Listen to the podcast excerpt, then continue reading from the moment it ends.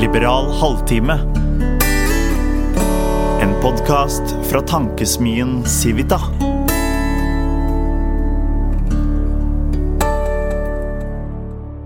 Hjertelig velkommen til Liberal halvtime, og vel møtt til 2021.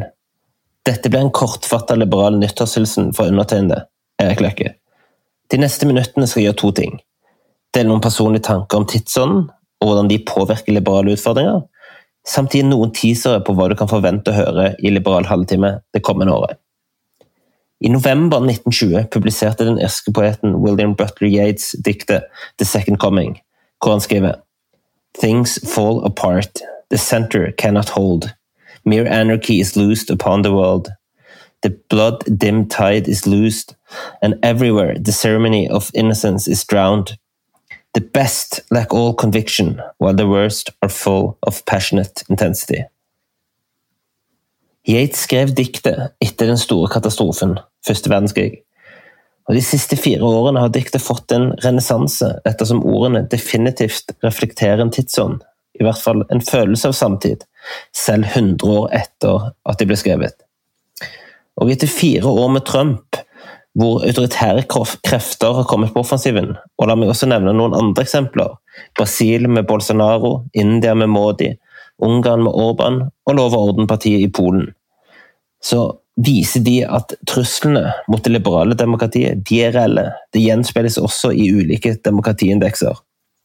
Legg også til at Russland og Kina forsøker å undergrave liberale demokratier og den liberale idétradisjonen, ettersom disse ideene utgjør eksistensielle trusler mot regimet i Beijing så vel som i Moskva.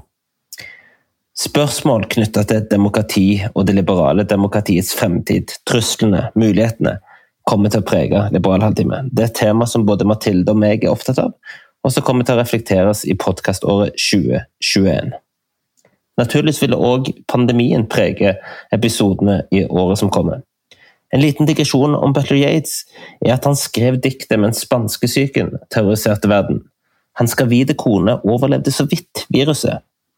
100 år senere ser det heldigvis ut som om en vaksine nå kommer på plass og forhåpentligvis vil en form for normale tilstander materialisere seg i løpet av 2021.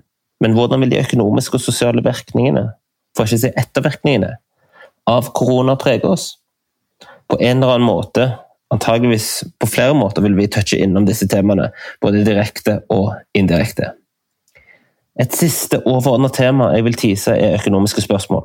Forholdet stat-marked Merk at jeg har ikke glemt at det er også noe som heter sivilsamfunnet. Så la meg reformulere, slik at vi vil være opptatt av vilkårene for privat næringsliv.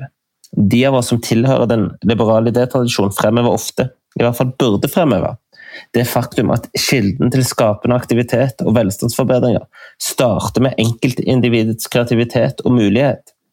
I så måte er personlige insentiver ikke en motsetning, men en forutsetning for kollektive forbedringer. Det betyr ikke at individualisme er det eneste som betyr noe. Tvert imot. En velfungerende markedsøkonomi forutsetter ordninger, institusjoner og regler som muliggjør effektiv samhandling. Det betyr at vi også er avhengig av en stat, selv i den mest begrensede formen. Men det finnes også gode grunner for at vi bør ha en stat som sikrer borgere et minimum av muligheter, og antagelig enda mer. Spørsmålet om rettferdig fordeling, eh, redistribusjon, er naturligvis viktig og bør diskuteres kontinuerlig. Og igjen, det å legge til rette for et bedriftsvennlig klima, hvor selskaper kan gå med overskudd, er en forutsetning for at vi i det hele tatt skal ha noe å kunne omfordele. Jeg tenker at debatten om privates vilkår blir veldig viktig og har mange interessante aspekter som vi vil adressere i Liberal halvtime. Så for å lette litt på sløret, så vil jeg tease noen spennende temaer og gjester som kommer de neste ukene. Mathilde får besøk av Harald Eia og Tore Vig for å ta et overordnet blikk på Norge.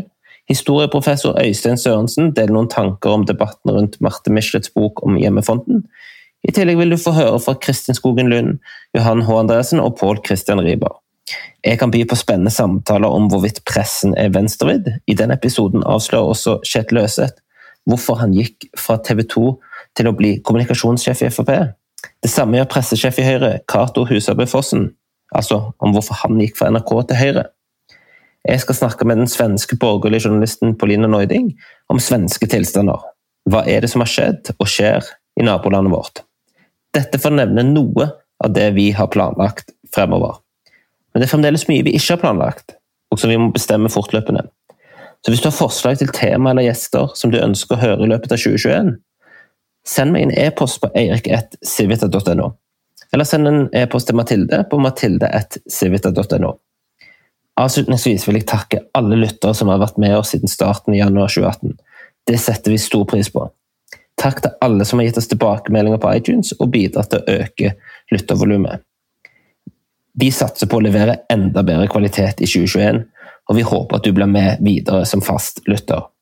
Og Dersom du er en fast lytter og setter pris på våre bidrag, så finnes en enkel måte du kan gjengjelde gleden, i hvert fall delvis, det er å gi oss omtale og maksimumstjerner på iTunes. Også i 2021 kommer Civita til å produsere notater, rapporter, bøker, videoer og digitale frokostmøter. Til irritasjon og glede for mange. Hvis du er interessert i å få med deg utgivelsene, anbefaler jeg deg Civitas nyhetsbrev. Det finner du på civita.no. Det var dagens korte nyttårshilsen fra Liberal halvtime. På gjenhør. Liberal halvtime En podkast fra tankesmien Civita.